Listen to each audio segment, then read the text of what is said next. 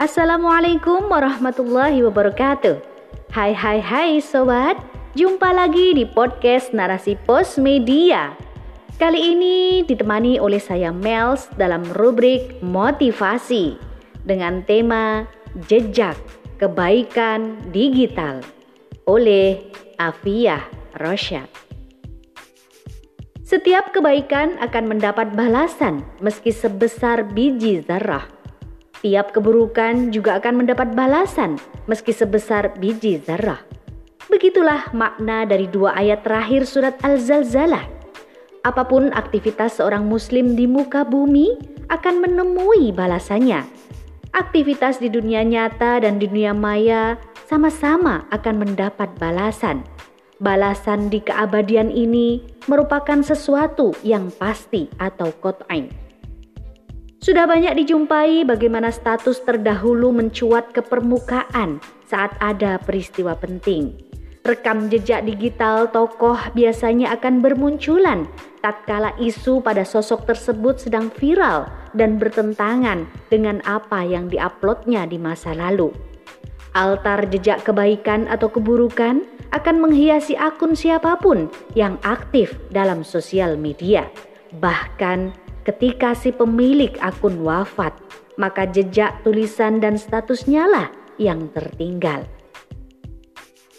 Jika berselancar di media sosial Facebook, tentu setiap akun akan disuguhkan kenangan tahunan ataupun kaleidoskop yang terekam dari status tiap pemilik akun itu. Sebagai salah satu jejak digital pemilik akun, tak mungkiri kenangan itu sesuai atau sama persis dengan apa yang diupload di waktu yang lampau atau tahun-tahun sebelumnya. Jika kenangan itu berisi muatan dakwah, motivasi, nafsiyah, dan ikmah, yaitu yang akan muncul. Begitupun status nyinyir, keluhan, alay, ejekan, hinaan, bahkan hujatan akan muncul juga tanpa diedit. Tak ada kamuflase dalam rekam jejak digital, apalagi rekam jejak sang penggenggam kehidupan tak akan pernah menyalahi proses kehidupan itu sendiri. Seberapa pandai kaum muslim menutupi kelemahan dan keburukannya dengan manipulasi di dunia maya tak akan memengaruhi catatan amal di hari pembalasan. Ukiran jejak keburukan tetaplah buruk di hadapan Allah meski ditutup-tutupi.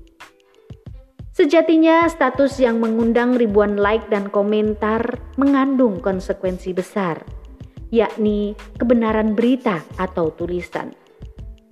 Meski hanya gambar yang dibagikan, hal itu juga memiliki konsekuensi untuk dipertanggungjawabkan kebenarannya kelak. Benar di sini ialah dilihat dari sisi isi dan kesesuaian dengan syariat Islam. Namun tak jarang kaum muslim terjerumus dalam kubangan status-status penuh kemaksiatan. Itulah rekam jejak media sosial, jejak kebaikan ataukah keburukan semua akan dipertanggungjawabkan. Jangan dikira hal itu tak ada balasan. Setiap muslim memiliki akal untuk memilah mana yang benar dan mana yang batil. Tentu, komponen akal ini bekerja sempurna dengan membawa rasa sadar atas apa yang diupload atau diketiknya. Keimanan setiap Muslim seharusnya mampu menuntun pada status kebaikan dan ajakan menuju ketaatan agar bernilai pahala. Dalam menorehkan jejak kebaikan digital, seorang Muslim tak akan begitu memperhatikan penilaian orang dia tak ragu dan khawatir statusnya akan sedikit pengunjung. Justru muatan yang hendak dibagi atau dituang akan disandarkan sepenuhnya pada syariat Islam. Jejak kebaikan dalam dakwah sepenuhnya dijadikan kontribusi untuk menyebarkan Islam. Bukan hanya rekam jejak digital yang dipikirkan, pertanggungjawaban di hadapan Allah yang menjadi fokus perhatian. Seorang Muslim juga sebaiknya hati-hati saat share atau membagikan status orang lain ataupun berita dari link portal media online. Hoax saat ini sungguh merajalela. Terkadang hoax juga muncul dari sumber media nasional. Maka ketelitian sangat diperlukan. Mana berita yang benar dan bisa dipertanggungjawabkan pada khalayak. Jika perlu, tabayun sebaiknya juga dilakukan agar tidak terjerumus dalam penyebaran berita bohong, sehingga aktivitas di media sosial terhindar dari kemaksiatan. Tak dimungkiri, aktivitas dakwah media saat ini menjadi kebutuhan. Segala kegiatan sosial hampir didominasi oleh media sosial. Kegiatan serba online menuntut seorang muslim berkiprah dalam dakwah media. Betapa boomingnya media sosial kini. Dakwah via Twitter, Instagram, dan Facebook sangat diminati kaum muslim. YouTube juga mulai digandrungi untuk menebar risalah kebenaran Islam. Tak ada yang salah, namun konsekuensi keimanan seharusnya menjadikan seorang Muslim tetap pikoh dalam menebar kebaikan. Meski banyak rintangan yang bisa menjerat penulis Muslim pejuang, seperti Undang-Undang ITE ataupun suspend dari akun sosial, maka ia akan tetap menulis dan berkarya di dunia maya.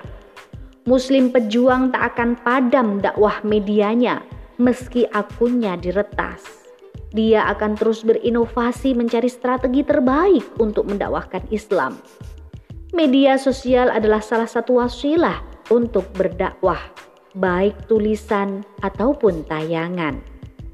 Tujuan utama menorehkan jejak kebaikan digital bukan semata merekrut person tapi mencari ridho Allah Subhanahu wa taala.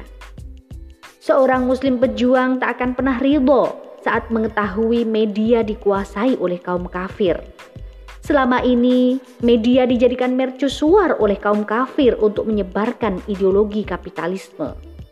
Selain itu, media juga mempengaruhi gaya hidup masyarakat, menyerang pemilikan Islam, menjauhkan kaum muslim dari Islam dan ajarannya, bahkan memframing dan membuat stigma tentang Islam, kaum muslim dan ajarannya. Maka jejak kebaikan digital harus dilancarkan untuk counter attack media barat yang hendak merongrong Islam, yakni dengan dakwah lewat media. Saat deretan kata dalam kalimat berisi kebaikan berupa ajakan pada ketaatan, penerapan syariat Islam, ataupun motivasi kehidupan bersandar hukum syara, maka jejak kebaikan digital yang akan dituai. Seorang muslim tak boleh memelihara sum'ah ataupun ujub saat status atau tulisannya menyedot perhatian jutaan pembaca. Itulah jejak kebaikan sejati. Insya Allah pahala siap menanti.